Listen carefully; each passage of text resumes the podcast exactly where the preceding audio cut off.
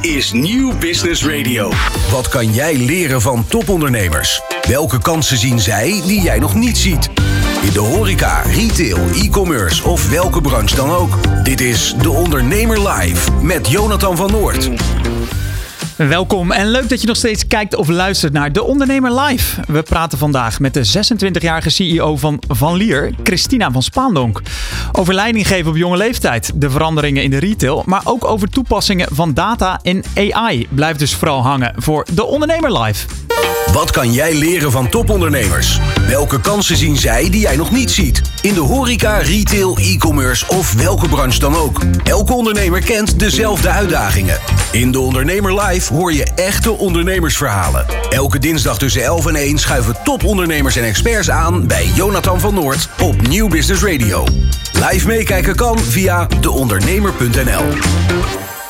Het is een van de grootste uitdagingen voor ondernemers. Waar haal ik financiering vandaan? Bij velen is het vet op de botten verdwenen en bij een grootbank hoef je als MKB'er vaak niet aan te kloppen.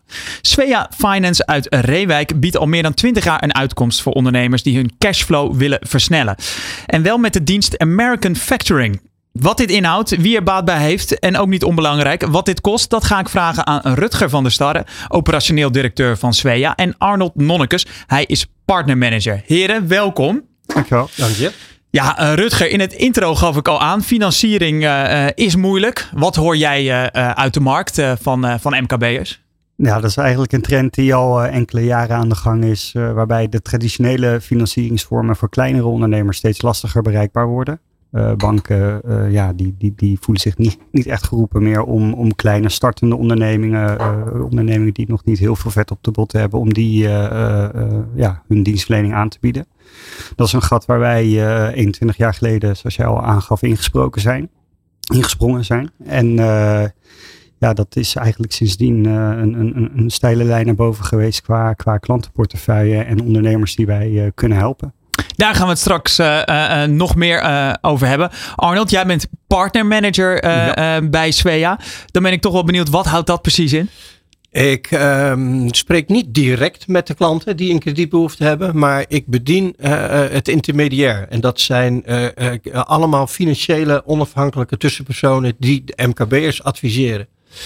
En dat komt allemaal voort. Ik denk 15 jaar geleden bestonden ze eigenlijk nog niet. Maar door uh, de veranderingen bij de bank, uh, het aantal accountmanagers wordt minder. Zeker in het MKB. Je hebt geen vast aanspreekpunt meer. En de mensen die van die banken vandaan komen, die sluiten zich aan bij een aantal franchise-organisaties. En die hebben allemaal uh, klanten onder zich. En die MKB'ers die ja, die, die zijn zwemmende in de, in de wereld van de banken, hebben geen aanspreekpunt meer. Dus die wenden zich tot, tot de, de tussenpersonen. Ja, want waar vroeger nog wel eens iemand van de bank even bij op de koffie kwam, dat, daar is nu geen sprake meer van. Nee, ik heb anderhalf jaar geleden de bank zelf ook verlaten. En zeg maar het echte kleine MKB voor financieringen beneden de 250.000 euro. Die ondernemer die is echt zoekende, die heeft geen vast aanspreekpunt meer. En uh, Arnold, uh, uh, zoals ik net al zei, jullie bieden American Factoring aan. Voor wie ja. deze term nou nog niet kent, wat houdt dat in? Um, factoring is het kopen van een vordering. Dus een ondernemer die een vordering heeft, die heeft iets geleverd bij een, aan een andere ondernemer, die heeft een factuur uitstaan. En meestal moet hij dan 30, 40, 60 dagen wachten op zijn geld. En wij kopen dan die vordering. Dat doen we middels een sessie. En dat is American Factoring. Ondernemer krijgt direct na levering en produceren van zijn factuur, krijgt hij zijn geld. En wat is dan het Amerikaanse daarin? Nou, het is eigenlijk een, omdat in Amerika dat al veel langer bestaat. En wij kennen wel uh, de traditionele vorm van factoren. Dat is op basis van verpanding. Ja, en wat, dus, wat is dan het verschil? Um, dat de ondernemer, uh, die blijft bij verpanding, blijft die het risico houden dat die factuur niet betaald wordt. Dus het, er wordt alleen maar door een andere partij wordt het geld verschaft. Ja. Maar uh, vindt er geen betaling plaats van die ondernemer, dan is de ondernemer nog steeds, uh, die loopt het risico.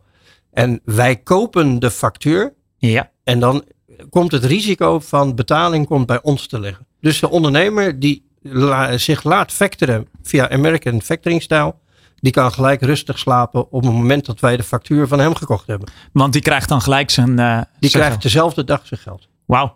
Ehm, voor welke ondernemers is dit nou echt interessant? Um, nou, ik zal eerlijk zijn. Als jij gewoon een normale balans hebt. Uh, uh, en je gaat bijvoorbeeld niet extreem groeien. Dan is factoring geen, uh, geen goed product voor jou. Maar heb jij een business case dat je fors gaat groeien. Dat je echt gaat groeien. Dat een bank die kijkt naar een balans. En die heeft, geen, hij heeft nog niet voldoende eigen vermogen. Dan zijn wij wel een mooie partij om die groei te kunnen realiseren voor die ondernemer. En of dat nou klein is of bedrijven tot 50 miljoen omzet, die kunnen wij allemaal bedienen. En, um, maar als je dat iets, iets tastbaarder maakt uit de, uh, uit de praktijk, waar, waar moet ik dan aan, uh, aan denken? Aan het begin van het jaar heb ik een uitzendbureau geholpen. en die, die startte vanaf niets, had een hele mooie business case. En in een bepaalde tak van het detacheren van mensen. Zou die naar een bank zijn gestapt? Eén starter die wordt al bijna niet geholpen. Maar een starter die dan ook nog eens fors gaat groeien, daar zeggen de meeste partijen van doen wij niet. Wij kijken naar aan wie gaat hij die, mensen detacheren en wat is de financiële positie van die bedrijven van die, waar hij de mensen detacheert. Nou, dat was allemaal goed. En inmiddels uh, uh, zit hij al rond het miljoen in nog geen jaar tijd. Dus dat... Uh, en jullie helpen dan bij die ja. groeiontwikkeling? Ja, ja, eigenlijk, ja. ja. dat is hij, als een, een medewerker een week gewerkt heeft, dan heeft hij 40 uur. 40 uur wordt een factuur opgemaakt. En uh, die verkoopt hij aan ons. En wij kunnen checken of hij die 40 uur heeft gemaakt. Dus ja.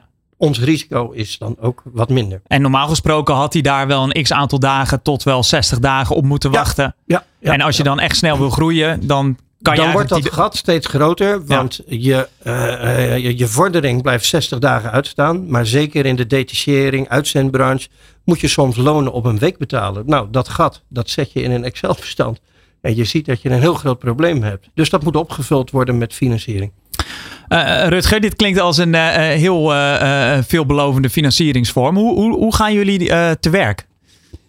Um, nou ja, we zijn op verschillende manieren bereikbaar voor bedrijven die geïnteresseerd zijn. Dat kan via de website, dat kan gewoon telefonisch, dat kan via het partnernetwerk dat Arnold beheert.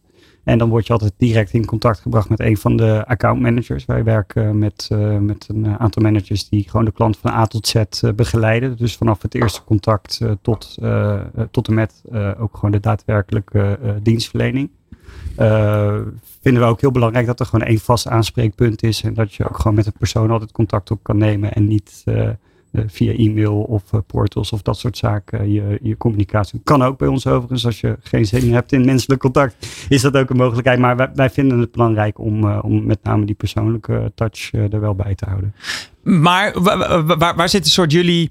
Um ja, scan of, of uh, want, want ik, ik hoor dezelfde dag heb je geld. Hoe, hoe, hoe, checken jullie dat? Of dat, of dat zuivere koffie is? Uh, nou, voor ons staat voorop dat de debiteur moet een kredietwaardige partij zijn. Dus dat is iets dat wij vooraf toetsen met, uh, met externe databases en eigen gegevens die we inmiddels uiteraard hebben. daarnaast beoordelen wij de vordering zelf ook. Het is van belang dat het altijd een afgeronde prestatie betreft. Dus gewerkte uren, geleverde producten, goederen, diensten die, die afgerond zijn. Uh, en dat toetsen we aan de hand van bijlagen die erbij zitten, inkooporders. Eh, dus Zodat daar niet mee gesjoemeld kan worden. Precies, ja. precies. Dat is voor ons is dat wel een, een risico. Hè. Fraude uh, ja, is iets waar we altijd heel erg alert op moeten zijn. En dat proberen we aan de voorkant zo goed mogelijk ja, te checken.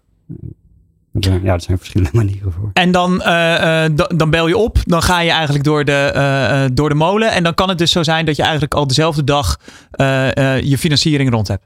Dat zou kunnen. Ja, als het een heel recht toe recht aan aanvraag is, waar weinig uh, bijzonderheden aan zitten, dan kunnen wij uh, binnen, binnen 24 uur een samenwerking optuigen. Maar bij grotere dossiers moeten we natuurlijk ook wel een beetje kennis maken met de ondernemer, wat meer informatie in binnen. En dan gaat er wel iets langer overheen. Maar dat is altijd een kwestie van dagen, of als het wat complexer is, misschien een week of twee weken. Maar we hebben niet hele lange aansluiten. Nee, nee, nee. Uh, en Arnold, dit, dit voelt voor mij ook alsof het een soort korte termijn oplossing is. Of, of kan je hier ook wel jarenlang mee, uh, mee doorgaan? Kan beide. Het kan ook uh, op korte termijn. Seizoensbedrijven kunnen wij bedienen. Uh, maar ook op lange termijn. Maar ik zeg zelf ook wel, een, een, bedrijf moet op een gegeven moment moet hij ook vlees op de botten krijgen. Dan heeft hij een balans en dan kan hij naar een, een veel andere, naar een andere manier van financieren. Dus uh, ja, vier jaar. Maar er zijn bedrijven die het veel langer doen, die lang blijven doorgroeien. En dat het ook een hele prettige manier van financieren vinden. Want je hebt ook helemaal geen debiteurenbeheer meer. Dat ligt bij ons. Ja, dus daar hoef je ook niet meer achteraan te gaan Nee, eh, nee, eh, eigenlijk. Nee. Eh, eh, Rutger, jullie zijn al 21 jaar eh, actief. Door je ouders opgericht toen de tijd. Ja. Eh, wat, wat maakt jullie uniek ten opzichte van, eh, van de concurrenten, denk je? Nou, vooral de ervaring natuurlijk. Hè. Wij waren er eh, in 2002 zijn we begonnen, inderdaad, eh, door mijn ouders eh, opgericht in die tijd. Ehm, ja, daardoor jarenlange ervaring met, met de markt en de zaken waar wij op moeten, moeten letten. Inmiddels hebben we ook een heel sterke aandeelhouder, Svea Bank, een Zweedse spaarbank, waar, waar ja, veel geld vandaan komt voor ons om, eh, om onze klanten weer te kunnen bedienen. Hè, we bieden daardoor gewoon ook een hoge mate van zekerheid aan onze klanten. Eh, en doordat wij ervaren zijn en, en, en ja, gewoon eh, goed draaien, eh, is er bij ons ook wel veel maatwerk mogelijk. Ik denk dat wij meer dan andere partijen in staat zijn om op de specifieke aanvraag eh, eh, in te duiken en te kijken of daar, eh, ook al zijn sommige zaken misschien wat afwijkend ten aanzien van de recht toe recht aan eh, aanvragen, dat we daar toch eh, ja, mee kunnen denken over maatwerkoplossingen die de ondernemer helpen. Dat voelt toch nog wel een beetje als een eh, familiebedrijf, ondanks dat het. Ja, zonder meer, zonder meer. Dat, ja. dat er een, Ja, een Zweedse bank achter zit. Arnold, ik hoorde ook iets eigenlijk over dat dit wel interessant kon zijn voor bijvoorbeeld een bedrijf met coronaschulden. Wat nog wel gezond is in die zin, maar die toch wel nu, daar zit haast achter. Eh, Ja, daar zit eh, druk op vanuit Ja. de overheid. Ik merk overigens wel dat, eh, dat merk ik via klanten en prospects, dat de overheid, de Belastingdienst, daar wel in meedenkt, meehelpt. De Belastingdienst heeft er zelf ook weinig aan dat een bedrijf failliet gaat, want dan kunnen ze die vordering ook op hun buik schrijven. Dus ze, ze werken daar wel in mee. Ja, het kan zijn dat, je, dat er bedrijven zijn die niet te financieren zijn, ook niet door ons.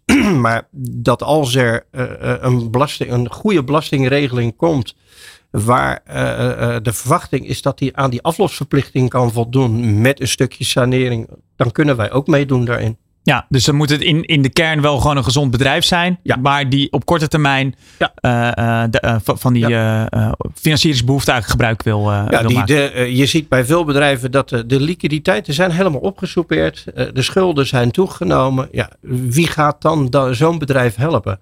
Ja, dat moet van meerdere kanten komen. En de overheid, de Belastingdienst wil daar aan mee, in meedenken. En op het moment dat dan daar een stukje gesaneerd is en er is weer perspectief, wat die rente- en aflossingslast, ja, die kunnen de toekomst van een bedrijf wel eh, onderuit halen. Ja. En als dat is weggenomen, dan kunnen Ja. wij ook instappen. Ja, en dan kan er weer eigenlijk gewoon eh, eh, worden ondernomen. Ja.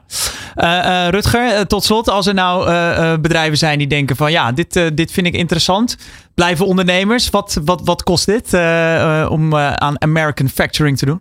Dat, eh, dat verschilt eh, met, eh, met, met, met de aanvraag. Dat ligt vooral aan, aan de lengte van de betaaltermijn. Hè. Dus hoe langer het geld uitstaat, hoe, hoe, ja, hoe hoger het tarief zal zijn.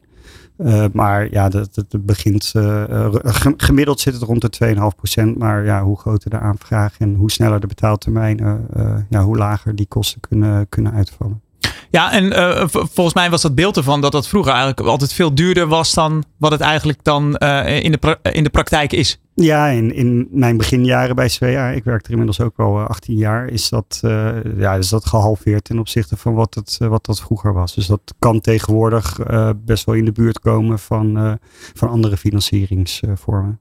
En Arnold, als er eh, eh, dus eh, eh, ondernemers luisteren die eh, interesse hebben, hoe kunnen ze jou bereiken? Hoe kunnen ze eh Svea bereiken? Eh, ja, eh, we zijn eh, eh, online zijn wij bereikbaar, maar ook gewoon telefonisch. En eh, eh, ja, wij kunnen gewoon, en dat doe ik ook nog steeds het liefst, het liefst eh, face-to-face gesprek. Dus heeft iemand eh, interesse, eh, neem contact op met het kantoor en, en ik kom direct langs. En dat doen ook de, de accountmanagers. En mer- merk je dat ondernemers daar ook in deze tijden hè, van allerlei kostenstijgingen, inflatie ook wel behoefte aan hebben om gewoon met iemand rechtstreeks contact te hebben? Om eerlijk te zijn, ehm, ik, ik merk wel na corona dat het wel werd geprobeerd. Zeg maar gewoon via eh, eh, video eh, te vergaderen, bespreking te houden. Maar dat de behoefte aan het menselijke contact neemt gewoon eigenlijk weer gewoon toe. Ja, en dat, ik, ik, ik kan me ook zo voorstellen als het over financiën gaat, dat je elkaar toch ook nog Ja. even echt in de, Ja, ja, in de ogen wil kijken. ja. Duidelijk verhaal. Wil je meer informatie? Kijk dan op svea.com. Kom.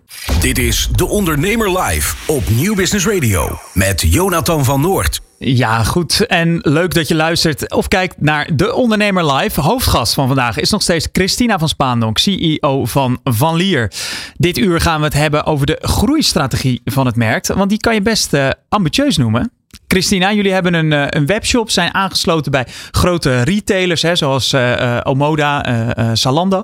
En hebben, een, hebben meerdere fysieke winkels. Je zei het volgens mij al net, acht, negen, hoeveel zijn het er? Acht winkels, ja. Acht winkels. waarom is die combinatie dus van, van, van die drie kanalen voor jullie zo belangrijk? Um, en dat zie je denk ik wel bij de meeste schoenenmerken, is dat het echt omnichannel is. Bij Van Lier is het verschil dan wel dat, we, dat de grootte van onze online kanalen, dat dat 50% is, wel heel anders dan andere merken. Um, maar de focus van het bedrijf ligt eigenlijk op alle ja, kanalen die we, die we nu bedienen om die goed te doen. Um, en daarvan uh, is wholesale een groot onderdeel. Dat was vroeger een stuk groter, maar dat was ook vrijwel de enige manier waarop we vroeger uh, schoenen verkochten. En dat is steeds ja, kleiner percentueel geworden met vergelijking met, uh, met de winkels die we toen zijn begonnen en uh, met de online wereld. En wij schakelen daarin eigenlijk op de manier waarop dat op dat moment uh, voor het bedrijf het gezondst is. om mee te gaan met de trends. En dan zie je wel dat de focus op online voor ons heel belangrijk is. Um, maar die omni-channel strategie is ook wel om gewoon heel fysiek aanwezig te zijn. Want een online kanaal is leuk, maar als jij niet te zien bent in een winkel of niet, uh, geen branding hebt, ja, dan de meeste mensen krijgen dan niet het gevoel dat Van hier ook echt wel een Nederlands merk is. Dus die fysieke representatie van het bedrijf is heel belangrijk voor ons om te onderhouden. En daarom is dat omnichannel uh, onderdeel zo belangrijk. Als we dan toch even focussen dus op die, uh, op die, ja, die, die winkelverkooppunten. Uh, nou, je, je zal het met me eens zijn dat de retail het lastig heeft. Je, je, hoort best wel vaak echt grote bedrijven die zelfs in de, in de rode cijfers komen faillissementen. Um, zijn jullie van plan eigenlijk om, om dat winkelaanbod uit te breiden? Um, van plan om het uit te breiden, dat niet. We kijken heel kritisch naar de huidige winkels die we hebben en proberen daarin te schakelen met de tools die we hebben om, om die succesvol te maken. Dus uh, zo maken we bijvoorbeeld van een, een concept store een outlet store als dat beter functioneert in die, in die uh, regio. En proberen ook te kijken van hoe, hoe kunnen we zo goed mogelijk uh, de winkels benutten die we hebben. Uitbreiding daarin is een lastige, want zoals je aangeeft is het steeds minder echt een, een fysieke retail die belangrijk voor ons is en ik denk voor de meeste bedrijven. Um, maar wel echt die, die online, ja, online commu of community, de online verkopen, om daar uh, op te focussen.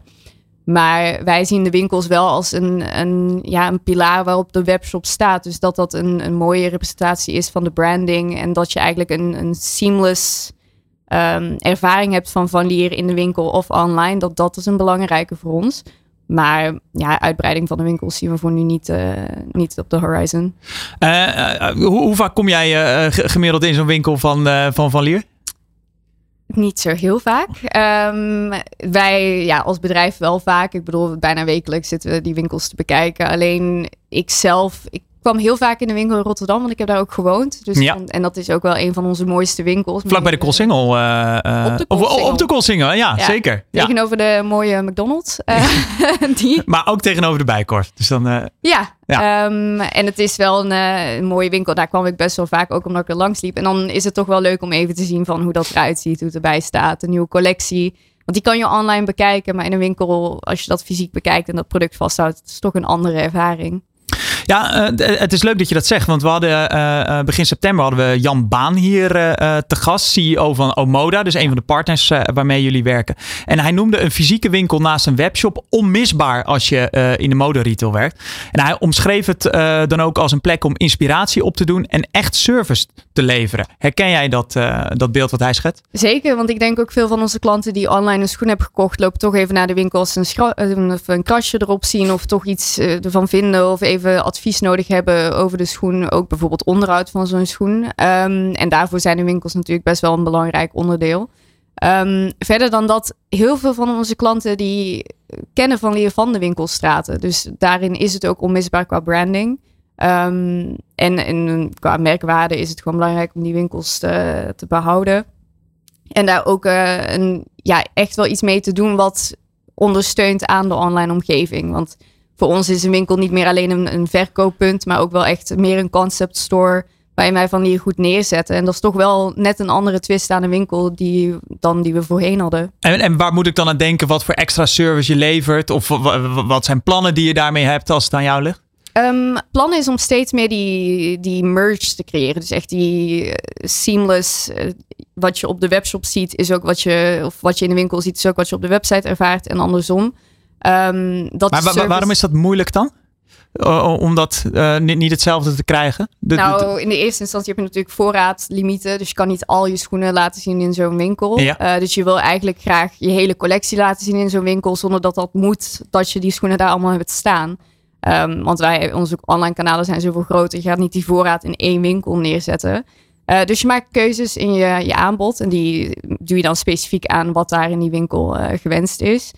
Um, maar je wil ook natuurlijk een, een, klant die misschien niet vindt wat hij zoekt in zo'n winkel. Ook het aanbod van heel van Lier laten zien. Want we hebben zo'n breed aanbod. Ja, daar zit misschien wel wat tussen wat je leuk vindt. Um, en dat is wel wat moeilijker om te creëren. En daar zijn we steeds zoeken naar hoe kunnen we dat mooi doen. Op een manier waar die ook aangenaam is voor de, voor de consument. Want die is natuurlijk, die gaat naar een winkel met het idee, ik ga schoenen kopen. Dus ja, dan heb je niet zoveel zin in dat die schoen dan drie dagen later aankomt bij thuis, zeg maar, bij je huis. Um, je wil hem liefst daar meteen kopen. Dus we proberen daar wel een, een, mooie balans te vinden tussen hoe doe je dat zo goed. Maar eigenlijk is voor ons de, zijn de winkels ook wel een ja, die branding, als ik dat goed kan zeggen, dat blijft belangrijk. Um, dat je de uitstraling geeft van, van Lier, dat dat niet gewoon een, een webshop is of gewoon een merk, maar ook wel met een hele historie. En die proberen we dan ook neer te zetten door de winkel echt aan te passen op de stad waarin die zit. Bijvoorbeeld uh, de winkel in Rotterdam is dan ook wel eentje met een bepaald ja, havenlook of bootlook. Ja. Uh, met veel hout en met veel streepjes van zo'n echt alsof je op een Beetje nautisch. Uh, ja, ja, En, en dat, zo kijken we eigenlijk naar alle winkels om die wat ja, een, een, eigen look te geven en echt aan te passen op, de, op Nederland en op die stad. Want we zijn uiteindelijk gewoon een Nederlands merk en de focus ligt dan ook op Nederland. En dat willen we dan laten zien dat we daar ook echt mee bezig zijn. Uh, ik proefde ook wel een beetje uit het, uh, uit het gesprek dat jouw focus veel meer aan de online kant uh, ligt. wat heb jij bijvoorbeeld aan die webshop? Wat, wat, heb je daar allemaal aan, aan zitten sleutelen? waar jij van dacht van ja, dit, dit moet nu echt wel gebeuren? Um, veel dingen, maar ook veel achter de schermen. Ik denk dat de webshop, zoals veel mensen hem zien, dan denken ze: oh, nou, dat is gewoon eigenlijk een catalogus website. Uh, misschien niet het meest uh, inspiratievolle, inspiratievolle webshop. Maar dat is wel de webshop waar de meeste van onze klanten heel blij mee zijn. Je komt erop, je kijkt even, je zoekt een schoen en je bent eigenlijk vrij snel klaar ermee. Je klikt erop in, je kan kopen. We zijn eigenlijk niet zo heel moeilijk daarin. Met heel veel inspiratiebeelden dat je de hele tijd moet doorklikken. We willen eigenlijk het proces zo makkelijk mogelijk maken. Ook omdat de, ja, de leeftijdsgroep van die onze schoenen koopt, die is heel breed. Dus daar heb je het over heel jong en heel oud. In die zin wil je het eigenlijk zo gemakkelijk mogelijk maken om online te shoppen. Um, maar we hebben heel veel gedaan aan uh, adverteren met inspiratiepagina's, landingspagina's, wat AB test ook over de product uh, pages of de product overview pages. Um, heel veel achter de schermen qua uh, productinformatie, een nieuw PIM-systeem geïmplementeerd. Um, en wat? Een PIM-systeem, oh, Product Information Management systeem. Ja. Um, om eigenlijk de productinformatie te verbeteren, maar ook om de zoektermen te verbeteren op de website, om de product descriptions te verbeteren. Uh, en eigenlijk de algehele look van de schoenen, om die, de informatie zo um, accuraat mogelijk te maken. Want als je online shopt, wil je eigenlijk weten wat je gaat kopen. En dan moet de verwachting van een klant eigenlijk volledig zijn voldaan aan het eind van je aankoop. En als je de schoen ontvangt. En dat is een van de belangrijkste onderdelen van e-commerce. En dat is een van mijn focuspunten, is hoe maak je dat zo representatief mogelijk van je product. Uh, zo goed mogelijk voor fotografie, juist de uitleg van je schoenen. Dus dat je niet verrast bent als je hem krijgt, maar eerder gewoon uh, negatief verrast, maar eerder echt ontvangt wat jij wou hebben. Um, en daar is bijvoorbeeld ook pasvorm heel belangrijk om dat altijd uh, op een en dezelfde manier te doen. Dus alle schoenen hebben dezelfde pasvorm bij Van Lier. Dus het is ook wel een product wat goed voor de online, voor de online omgeving is gemaakt. Um, en verder dan dat doe ik heel veel met de informatie die we ontvangen van de klanten. Uh, voornamelijk wel de informatie qua verkopen. Dus um, de prio-lijst. En dat betekent waar, welke schoenen staan bovenaan. Dat soort dingen om die met algoritmes te doen, zodat je eigenlijk altijd de juiste schoenen bovenaan hebt staan die het meest populaire zijn. Ja, dat soort dingen zijn we allemaal aan het doen. Uh, of het, eigenlijk allemaal het klinkt ook wel als hele logische dingen.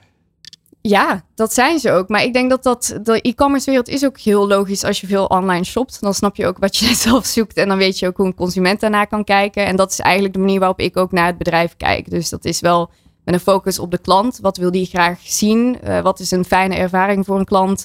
Hoe maak je je hele webshop zo klantvriendelijk mogelijk? Um, en hoe ja, voldoe je eigenlijk aan de wensen van je klant? En omdat we zo'n brede doelgroep hebben, proberen we dat op een manier te doen die, um, ja, die eigenlijk heel breed te begrijpen is en heel makkelijk te begrijpen. En dat, dat klinkt heel, ja, natuurlijk moet je dat zo doen. Maar dat is in de praktijk natuurlijk net wat anders als je een bedrijf hebt wat 200 jaar al bestaat. Wat zeg maar ook een heel geschiedenis meedraagt van ja, ik bedoel, die webshop die bestond al twaalf jaar geleden. Ehm, toen was dat heel logisch om maar een catalogus neer te zetten. Maar wat is die logica nu? Is dat nog steeds hoe je dat wil doen? Uh, en dat zijn allemaal bewuste keuzes die we op dit moment hebben gemaakt. Met wel echt de focus uh, op de klant. En heb je dan voorbeelden, misschien in het buitenland bijvoorbeeld, van, van merken uh, die, die, dat in jouw optiek heel inspirerend aanpakken? Zeker. Ik denk um, als je kijkt naar de strategie die wij voeren, dat je dan ja, natuurlijk een veel grotere brand, maar Hugo Bos kan bekijken, die echt een digitaal merk neerzet. Met een mooie split tussen Hugo en Bos. Dus echt wel een jongere, wat frissere en een echt pakkenmerk nog. Ja. Um, die doen dat echt heel mooi. En daar kijken we ook naar hoe je dat goed neerzet. Hoe je zo'n mooie digitale brand kan neerzetten. Uh, en zij realiseren ook een heel uh, impressive groei. Dus ja, dat, daar kijken we dan heel nauw naar. We proberen dat op te volgen en ook die strategie dan te, te implementeren bij Van Lier. En uh, heb je daar nog wat, wat tastbaardere dingen van? Bijvoorbeeld uit die webshop van, van, die kleine dingetjes. Dat je denkt, ah, dat, dat, zie ik bij hen. En uh, uh, ja, dat hebben wij toen ook doorgevoerd. Of dat zou ik graag willen hebben. Um, ik denk eigenlijk eerder misschien niet op de webshop. Maar qua branding. Dat we de focus leggen op Van Lier als merk. Met gespschoenen en vetenschoenen. Maar ook een jonger VNLR merk met sneakers. Wat echt mee met gaat met de trends. En als je je catalogus kan opsplitsen in twee onderdelen met heel logische branding en heel sterke branding, die uh, ook heel begrijpelijk is voor een consument, dat, dat dat een van onze belangrijke onderdelen is, ook om de verjonging in te gaan. Want dat is voor ons uh, een belangrijk onderdeel, is om een terugkerende klant te werven. Maar dat betekent natuurlijk ook wel dat we een stuk jongere klanten moeten aanspreken. En dat kunnen we dan doen met zo'n VNLR. Dus eigenlijk als je die parallel trekt tussen een VNLR en Van Lier met zo'n Hugo en Bos, ja, dan dat is misschien het meest tastbare. Ja, ja. want ik, ik wilde eigenlijk ook wel gelijk vragen, wat is dan jullie doelgroep? Ja, ik blijf maar zeggen breed, maar dat, dat is dan ook wel breed. Uh, je hebt het over een doelgroep die van 18 tot uh, 90 uh, loopt. Uh, de focus ligt bij ons om ehm, met de advertising en met de social media om een jongere doelgroep aan te spreken. Dan heb ik het over 25 à 35 jaar oud. Um, en die terugkerende klanten in die segmenten te werven. Om dan eigenlijk ja, een heel sterke band te hebben met iemand die 55 is en al jaren klant is bij Van Lier. Um, de doelgroep van de producten, ja, daar kijken we niet naar echt wie onze producten koopt en, en hoe, maar eerder naar wat is ons productschala en wat verkoopt goed en hoe gaan we daarin uh, ook uh, beweging in brengen. Dus dat is eerder meer gericht op wat verkoopt goed en wat moeten we dan meer produceren. Uh, en mee gaan met de trends die we zien in de markt. Dus sneakers worden ook steeds groter. Ik weet niet of iemand dat heeft gemerkt, maar dat was vroeger natuurlijk niet zo. Flink, flinke bloksel uh, komt er allemaal onder. Ja. En wij testen daar dan ook in uh, van hoe goed kan dan een schoen bij ons onder van lier vallen met zo'n grote blok zool. En wat wilden we daar dan mee? En als je dan ziet dat de verkopen daarin groeien, dan ga je wat meer proberen. En andere dingen, dan vallen dan weer af. Dus dat is uh, meer hoe we de productie bekijken. En dat is ook wel wat alle grote brands doen. Ik hoor je geen onderscheid maken tussen man en vrouw. Is dat bewust? Ja, ja eigenlijk wel. Omdat wij natuurlijk een, voor denk 99% een uh, herenschoenenmerk zijn. Um, we hebben een, als je het zo kan noemen, 1% vrouwenschoenenverkoop. Uh, en dat is wat kleiner, maar dat is ook wat net, wel net opgestart. Een vrouwelijke consument is heel anders om te benaderen. Die is uh, veel meer gericht op inspiratie. Dat, ik denk dat je dat misschien ook bij een moda ziet. Die zit wel echt met die twee uh, genders. Um, en dan zie je dat inspiratie bijvoorbeeld heel belangrijk is. En een heel snelle doorloop van je collectie. En dat is bij mannen gewoon heel anders. Mannen die, die zoeken een, een merk wat ze herkennen. Met een kwaliteit die goed is. Um, met liefst het pasvorm die hetzelfde is. En er zijn gewoon best wel wat mannen die gewoon denken ja, ik heb drie jaar geleden deze schoen gekocht. Echt perfect. En Hij ik zat wil lekker. nu eigenlijk een uh, zwarte schoen in plaats van cognac. Ja, dan ben je bij van ja, het perfecte adres. Precies dezelfde schoen, perfecte kwaliteit. En dan uh, kan je een zwarte kopen. En daar zijn de meeste mannen ook wel echt heel tevreden mee. Ehm, en dat is ook waar wij op inspelen. Dus om die kwaliteit zo hoog te houden en een heel herkenbaar product uh, te laten zien met die icon building die we doen. Om echt producten die al jaren in het gamma zitten steeds een beetje te vernieuwen. Uh, maar te niet te veel aan te sleutelen verder. Nee, nee ja. Don't en, change your winning team. Wat ik ook nog wel altijd een leuke vind. Klopt het dat, laten we even gewoon op de Nederlandse man focussen, dat ook vaak de, zijn vrouw dan de, de, de schoenen koopt? Ja, het advies wordt vaak gevraagd aan de vrouw. Is dit mooi? Vind je dit leuk? Dat zie je ook in de winkels wel, die ervaring. Uh, dat het vaak een man en vrouw die samen de winkel inkomen en dan even schoenen passen. Um, maar ik, ik, ja, in een online omgeving is dat natuurlijk moeilijk te peilen hoe dat eraan toe gaat. Wel weet ik dat in de winkels dat dat vaak uh, de dynamiek is die uh, mannen opzoeken om ook wel wat advies te krijgen over de collectie. Ja, zoals ik in de intro al zei, jullie hebben een ambitieuze groeistrategie. In 2027 uh, moet de omzet verdubbeld zijn. Nu zitten jullie op bijna 14 miljoen, las ik in een, in een artikel. ja, hoe ga je dat aanpakken?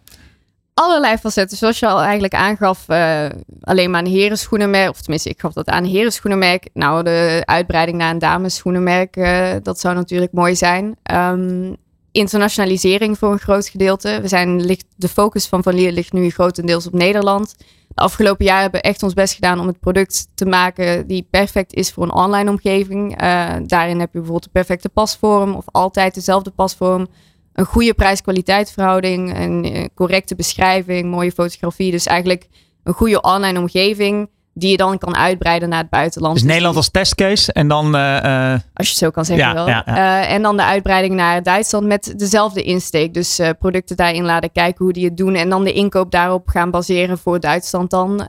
dat ziet, hoe, dat, zo ziet de toekomst voor internationalisering er ook uit bij ons. Echt data gedreven uitbreiden.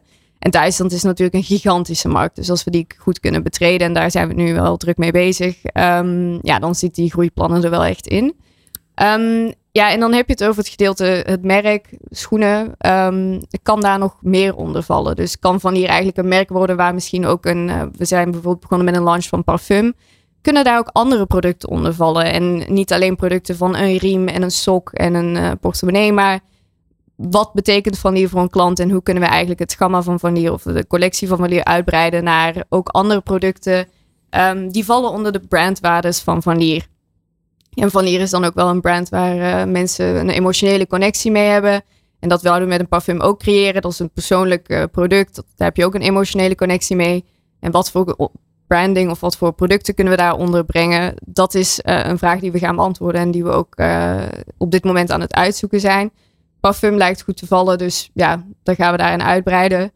Um, dus maar maar Christine, nog, nog heel oh, even terug over, over, over, Duitsland. Um, Zeker is dat dan eigenlijk, moet ik dat zien als een soort hele steady, uh, hoewel Duitsland natuurlijk hartstikke groot is, maar eerst ja, een soort rustige verovering van Duitsland en dan die olievlek uh, verder laten lopen? Of zijn er ook wel na Duitsland al landen die op het verlanglijstje staan? Um, ja, de eerste snelle stappen die we, gaan, die we nu zetten zijn eigenlijk Duitsland en België. Maar daar limiteren we ons niet aan. We hebben die landen gekozen eigenlijk vanuit een testcase via Zalando. Dus dat is eigenlijk ook een um, kanaal waarop we eigenlijk schoenen verkopen, kijken welke landen dat goed uh, loopt. En dan proberen uit te breiden in die landen met producten die daarbij passen. Um, ja, een langzame olievlek kan je het wel noemen. Van hier is wel een bedrijf, als je 200 jaar bestaat, neem je wat langzamere stappen. Dus je maakt, maakt geen gigantische stappen. Probeert alles goed te onderbouwen met informatie en data om uh, zeker te zijn van je next move. En dat is een van de redenen waarom Duitsland voor ons wel echt een focuspunt is omdat we daar uh, wel vertrouwen hebben in dat het product daarvoor echt uh, heel goed voor gemaakt is. Welke beren zie je op de weg als we toch in uitdagingen even moeten, moeten spreken? Het is een heel andere klant. Um, daar zit een, een heel andere klant achter die misschien wat minder prijsbewust is als de Nederlandse klant. En eerder zit op betrouwbaarheid van je merk, wat meer op stabiliteit zit. misschien wat pickier. Dus echt wel kijken naar echt die naadjes op je schoen en dat het echt perfect is. De um, Duitse punktlichkeit. Uh, ja, wel echt een heel correct, maar um, ja, een, een, heel precieze man, als je het zo kan noemen. En, en doet um, zo'n 1815 tekst op een schoen dan wat voor, voor Duitsers, denk je?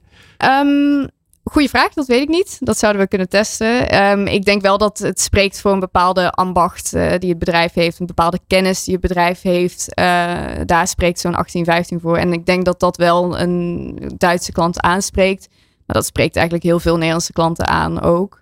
Um, maar het zegt wel wat over natuurlijk de kennis binnen het bedrijf. Ik bedoel, als je vanaf 18, 15 schoenen maakt, ja, dan weet je toch wel echt wat over schoenen. Um, en dat zie je dan ook wel terug in de kwaliteit van het product. Maar dat, ik denk dat dat wel ook een Duitse klant uh, goed aanspreekt.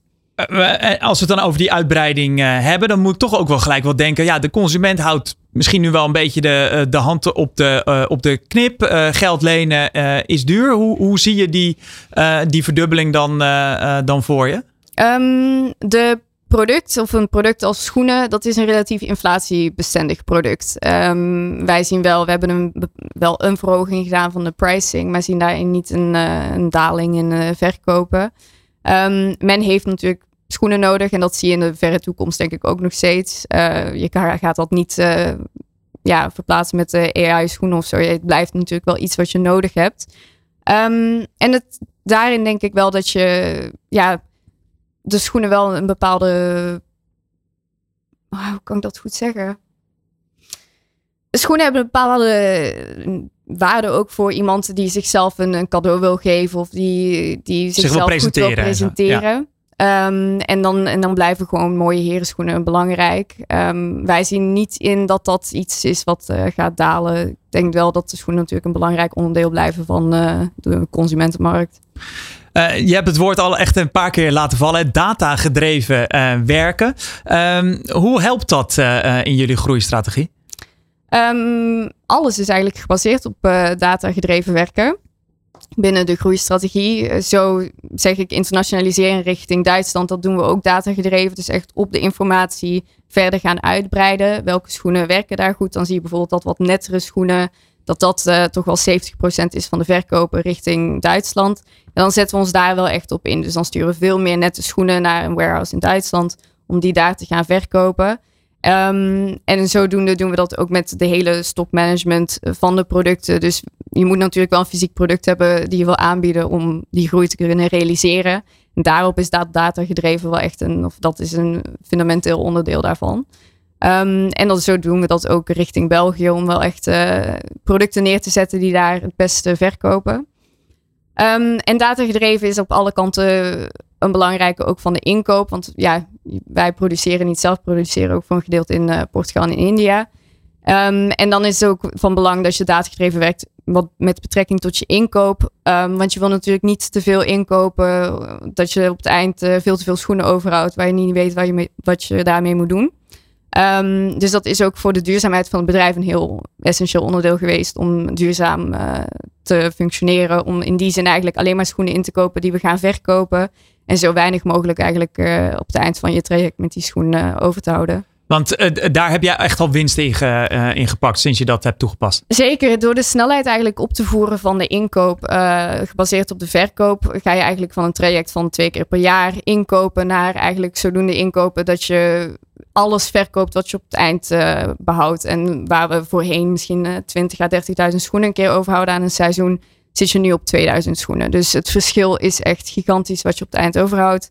En dat is ook een onderdeel van die omni-channel strategie. Uh, want je verkoopt eerst online al die schoenen die net binnenkomen. En die gaan gaandeweg ook naar outlet stores. Naar bijvoorbeeld uiteindelijk clearance op een Otrium. En dat om daar overal datagedreven te werken, om eigenlijk perfect je schoenen te kunnen neerzetten in die kanalen. Zo kan je eigenlijk ervoor zorgen dat je vrij weinig uh, nog overhoudt. En dat is voor ons echt een essentieel onderdeel van, uh, ja, ook voor mijn uh, eigen ja, waardes is duurzaamheid gewoon heel belangrijk. En is dat de hand van Christina dan, die je daar wel in, in ziet? Ja, dat zeker. En het hele bedrijf volgt dat ook wel, want dat doe je niet alleen natuurlijk. Ik zit niet in mijn eentje al die informatie te analyseren. Iedereen in het bedrijf werkt met die informatie en doet, uh, probeert op die manier ook zo goed mogelijk die strategie uit te werken en uh, mee eraan mee te werken. Dus dat data gedreven werken, dat is niet iets wat ik alleen maar zeg. Dat is een dagelijks onderdeel van de bedrijf. Moet in de organisatie zitten. Ja, en dat uh, evalueren we wekelijks ook als managementteam. Dus uh, in die zin is het wel echt uh, helemaal erin gebakken nu. Maar dat, dat klinkt nu eigenlijk als een soort de holy grail. Hè? Van ga data gedreven werken. Dan ben ik toch benieuwd. Kan, kan je daar dan niet alsnog bijvoorbeeld een misser mee maken? Eh, dat je het verkeerd interpreteert? Of, want ja, er zijn zoveel getallen waar je naar kan, eh, naar kan kijken. Heb je daar een praktijkvoorbeeld van? Ehm, als econometrist ben ik daar, eh, ja, volg ik je daar helemaal in. Je kan je informatie, een onderdeel daarvan is analyseren, maar het belangrijkste is interpreteren. En dat, dat is bij modellen ook zo. Je kan een heel mooi model bouwen, maar als jij dat verkeerd interpreteert, maak je toch de verkeerde beslissingen. Ehm datagedreven werken betekent ook eh, een goede ja, methode gebruiken om je informatie te verwerken en om daar eh, ja, acties op te ondernemen. En dat betekent dus wel kijken naar hoe groot is je dataset. Moet je dat niet opsplitsen naar wat kleinere sets? En dat is wel iets wat ik bijna altijd wel doe. Is eh, je, hebt eerst een heel grote dataset van al je verkopen over al je winkels. Maar je moet eerst gaan kijken van wat werkt goed in één winkel en hoe ga je dat goed doen. En dat breng je dan uiteindelijk bij kleine stappen breng je dat samen. Maar een, een probleem veel te aggregated bekijken kan leiden tot gewoon echt wel zware fouten. En dat betekent als je wil eh 100.000 paar wil verkopen, moet je eerst weten waar ga je die verkopen. En hoe ben je dat van plan om te doen en welke schoenen heb je daarvoor nodig. En ehm, dat opsplitsen, een groot probleem, zeker in data, altijd opsplitsen. eh, naar een kleiner probleem wat behapbaarder is en waar je ook de interpretatie goed kan doen en zeker weet dat je die daar goed kan doen. Dat is natuurlijk wel een heel belangrijk die ik als econometrist ja, volledig volg. Eh, maar mensen gaan daar wel snel de mis in om het... eh, die wil te Maar je hebt nog geen grote fouten gemaakt daarin. Nou ja, ik ik ben er ook wel volledig in afgestudeerd. Ik heb mijn master in gedaan. Ik vind het gewoon, voor mij is dat natuurlijk een heel, dat is mijn denkwijze. Eh, dat zit er bij mij wel echt volledig in en ik volg dat ook. Maar dat, ja, dat, dat kan wat moeilijker zijn als je natuurlijk nooit met data hebt gewerkt. Ehm, maar het advies daarin is altijd probeer het op te splitsen naar kleinere problemen en die met informatie op te lossen. En daarin dan gaandeweg ga je dat samenbrengen, al die conclusies, naar één grotere conclusie. Maar niet, je wil meteen die ene grote conclusie eh, hebben, want dat, dat gaat hem nooit worden. Tot slot, eh, eh, Christina, het buzzword wat, wat eh, tegenwoordig natuurlijk altijd valt, AI, ook in, in dit gesprek. Hoe past een merk dat notabene uit 1815 eh stamt, AI, hoe, hoe passen jullie dat toe? Ehm, op dat 1815 natuurlijk, een bedrijf blijft geen 200 jaar bestaan als je niet 200 jaar lang innoveert. En dat betekent ook dat het eigenlijk niet zo vreemd is dat een 200 jaar oud bedrijf AI gaat implementeren, maar dat het eigenlijk noodzakelijk is voor de continuïteit van het bedrijf. Ehm, AI toepassen bij een merk, bij zo'n fysiek product, zit hem in de service, denk ik. Ehm, voor Heb je een groot voorbeeld? gedeelte, ja, bijvoorbeeld een chatbot die heel gericht is om eh, klanten te helpen. Eh, daarin kan je bijvoorbeeld wel echt je AI gaan implementeren. Die seamless eh, experience tussen offline en online, daar is AI, zou AI ook een eh, groot onderdeel in moeten spelen. Ehm, om eigenlijk die servicekant van een, een, een medewerker die in de winkel staat, om dat ook met AI te gaan eh, op te lossen. Ehm, van Lier, of tenminste van Lier, maar ook de hele schoenenindustrie is wel een, een industrie die, wat, die echt heel fysiek is. Maar waar heel veel kennis natuurlijk in zit bij de mensen. En die kennis te gaan eh translate of te vertalen naar data. En dat te gaan gebruiken in AI om uiteindelijk ook je productcollectie een keer te gaan eh, opzetten of opmaken met AI. Daar zit de toekomst wel denk ik in. Want die kennis die hebben steeds minder mensen. En dat is mijn, ook mijn taak als CEO om daarvoor te zorgen dat die kennis eh, er blijft in het bedrijf. En ja, ik zie AI daar wel als een grote onderdeel in om dat op te lossen. Dat klinkt alsof je nog wel even CEO blijft van, eh, van Lier. Klopt dat? Ben ik wel van plan, ja. Ja, zeker wel een jaar of tien. Ehm, ik denk dat ik het een jaar of vijf ga aankijken, kijken hoe het erbij staat. Maar wij zijn, ja, ik ben daarin heel flexibel. Ik eh, ben niet getrouwd met die functie. Ik bedoel, als ik eh, beter een functie als CIO heb voor de information, vind ik dat ook prima. Je broertje misschien, hè? Misschien, zou zeker kunnen. Ehm, maar ik denk, ik blijf wel in het bedrijf en zeker voor tien jaar. Dankjewel voor je komst naar de studio. Christina van Spaandok, CEO van Van Lier. Elke dinsdag een andere inspirerende ondernemer te gast tijdens De Ondernemer Live. Van 11 tot 1 live op Nieuw Business Radio. Voor vermogende ondernemers is de vastgoedmarkt nog altijd populair. Je kan zelf investeren, bijvoorbeeld in je eigen bedrijfspand, maar je kunt ook investeren in bestaande vastgoedportefeuilles. Vondelaan Vastgoed is een van die aanbieders van deze portefeuilles en met Joyce Pont, commercieel directeur van Vondelaan, bespreken we de mogelijkheden onder andere voor ondernemers. Joyce, welkom. Dankjewel. Ja, Vondelaan Vastgoed, voor de mensen die die niet kennen, wat doen jullie precies? Uh, wij zetten obligaties in de markt. Um, en middels deze obligaties kunnen wij woningen aan gaan uh, kopen. Um, daarnaast hebben wij nog een, uh, kun je ook direct investeren, waardoor je ehm, middels directe investeringen woningen direct zou kunnen gaan ja, beleggen eigenlijk. En, wij zorgen ervoor dat de woningen onderhouden worden. Um, rendementen kunnen, uh, worden dan uitgekeerd aan onze, uh, al onze investeerders. Dat is eigenlijk in het kort wat wij uh, doen. Daarnaast zoeken wij woningen eigenlijk boven de 5 NAP. Um, we zijn, we houden, dat, dat is het Nieuw Amsterdam Spel? Of? Ja, Nieuw Amsterdam Spel, inderdaad. Boven 5 NAP. We hebben een visie. onze werkgever is een visionair. En wij houden rekening met de global warming hier zowel in Nederland. maar ja, we hebben natuurlijk overstromingen. Um, maar omdat wij ook natuurlijk woningen aankopen die uh, onderhouden moeten gaan, uh, gaan worden, willen wij daar, daar rekening mee, mee houden. Omdat, zodat er minder geïnvesteerd in hoeft te worden.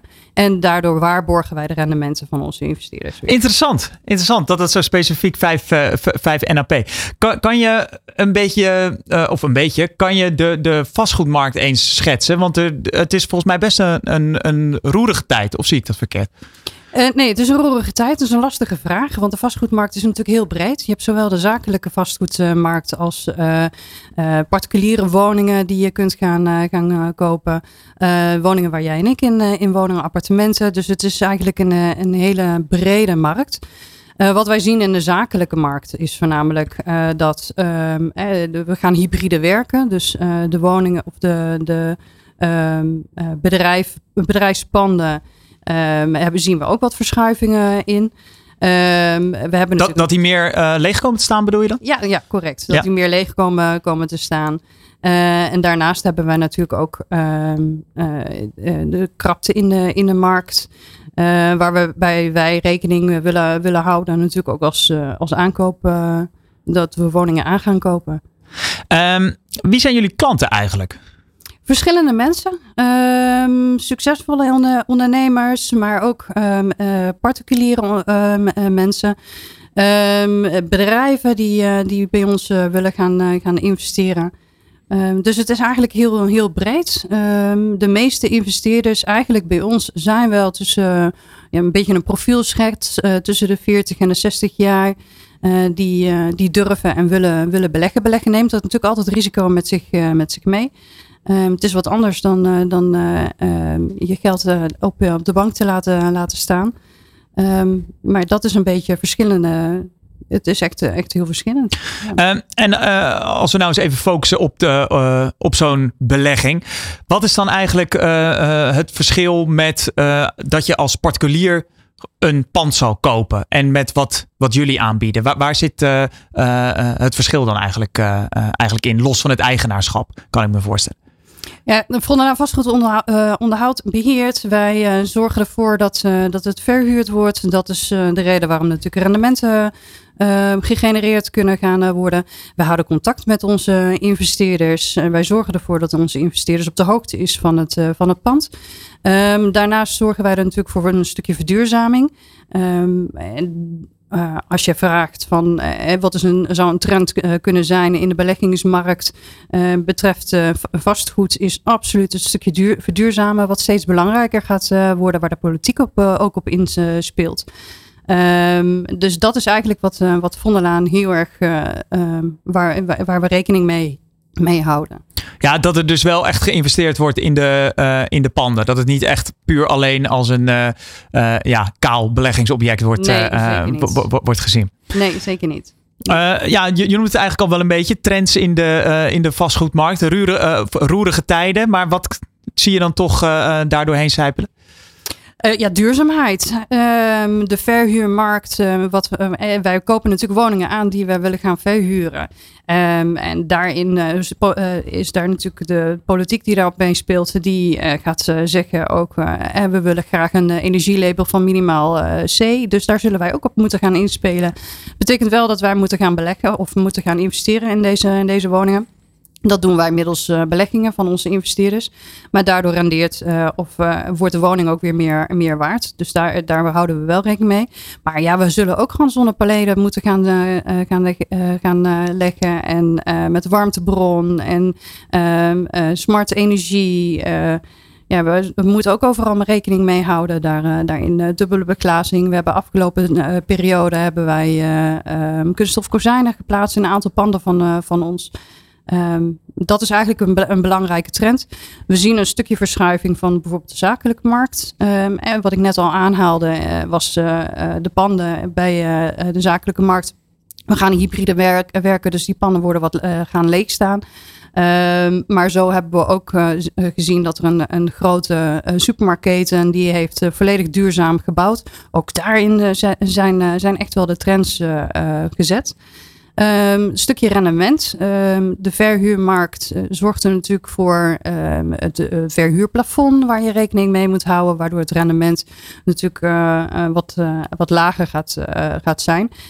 ja, en om daarin in, wel je rendementen naar je investeerders te kunnen gaan, gaan betalen, kunnen gaan uitkeren, moeten wij op andere manieren gaan, gaan schakelen. En waar moet ik dan aan denken om, om, om dat toch vast te houden, dan zo'n rendement? Ja, zorgen dat je, je pand absoluut goed onderhouden is. Um, zo min mogelijk natuurlijk. Uh, we gaan er zo vaak mogelijk langs. Weten wie je huurder uh, is. Goede sociale huurders kunnen, kunnen gaan, gaan zijn.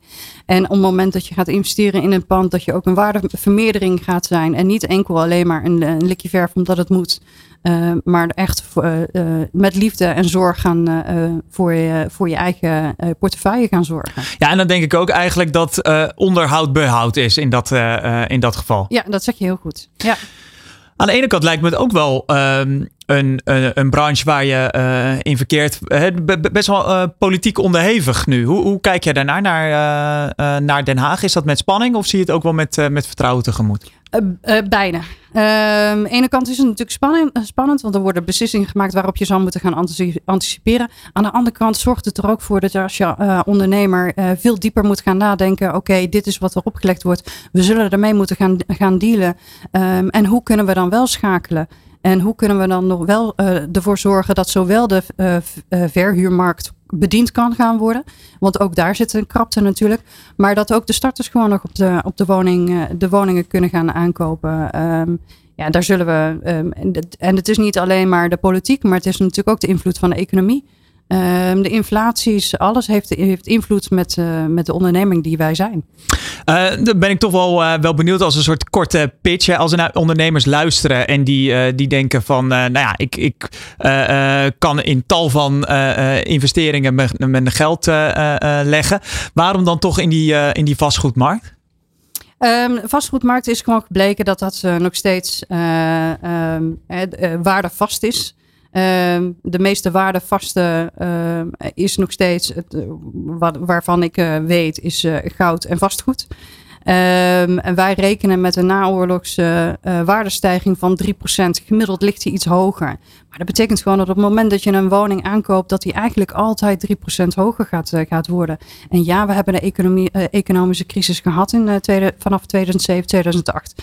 Maar ook daar zie je dat de woningen goedkoper aangekocht konden gaan, uh, gaan worden. Um, die nu gewoon 20, 30 procent meer waard zijn. Dus um, als ondernemer denk ik dat dat de meest verstandige zet uh, is. En merk je dan ook nog dat ondernemers het fijn vinden dat ze, ja, je kan het moeilijk tastbaar in je, in je handen hebben natuurlijk, zo, zo'n huis. Alhoewel je de deurknop kan, uh, kan vasthouden. Maar dat ze dat toch ook wel, wel prettig vinden? Um, nou, nee. Dat merken we eigenlijk niet. Uh, wat de ondernemer voornamelijk bij ons uh, prettig vindt, is uh, dat wij heel erg persoonlijke contacten hebben. Um, en wij ook echt wel uh, periodiek contacten op, opnemen met, uh, met de investeerder. Van hey, je pand is, wij, wij gaan nu investeren. uw pand is, ziet er nu zo uit. Dit is hetgeen wat we gaan, nu gaan doen. of we hebben een, een pand weer opnieuw getaxeerd. Waardoor de ondernemer ook kan zien dat die in waarde is gestegen. Um, echt fysiek daarnaartoe zijn er weinig die daar ofwel tijd voor hebben ofwel interesse voor, voor hebben. Tot slot, George, hebben jullie ik noem wat drie tips voor ondernemers die op zoek uh, zijn naar het juiste uh, vastgoed? Um, ja, allereerst uh, kennis. Um, weet wat je aan het, aan het doen bent. Ehm, ten tweede, kijk natuurlijk naar je eigen portemonnee. Ga absoluut niet beleggen met, met meer dan. Um, weet waar je, hoeveel geld je kan gaan investeren. Um, en als derde, ja, Von der Laan Vastgoed heeft op dit moment een hele mooie actie lopen. Dus ik zou zeggen, um, kijk even naar onze actie. Wij bieden op dit moment 1% extra aan, uh, aan rendementen. Of aan, uh, aan obligaties. Sorry, moet ik het wel zo goed, goed zeggen natuurlijk. Waardoor je geld die je bij ons belegt 1% extra waard is. En dus sneller kan gaan, gaan renderen. Dat zou mijn derde tip zijn. Kijk goed naar acties. Waarvan akte. Dankjewel. Joyce Pont van Vonderlaan Vastgoed. Je luistert naar De Ondernemer Live. Elke dinsdag live van 11 tot 1 met Jonathan van Noord op Nieuw Business Radio. Dat was hem weer, deze uitzending van De Ondernemer Live. Volgende week zijn we weer terug tussen 11 en 1. Dank voor het kijken en luisteren. Mijn naam is Jonathan van Noord. Tot volgende week bij De Ondernemer Live. Wat kan jij leren van topondernemers? Welke kansen zien zij die jij nog niet ziet? In de horeca, retail, e-commerce of welke branche dan ook. Elke ondernemer kent dezelfde uitdagingen. In De Ondernemer Live hoor je echte ondernemersverhalen. Elke dinsdag tussen 11 en 1 schuiven topondernemers en experts aan bij Jonathan van Noord op Nieuw Business Radio. Live meekijken kan via deondernemer.nl.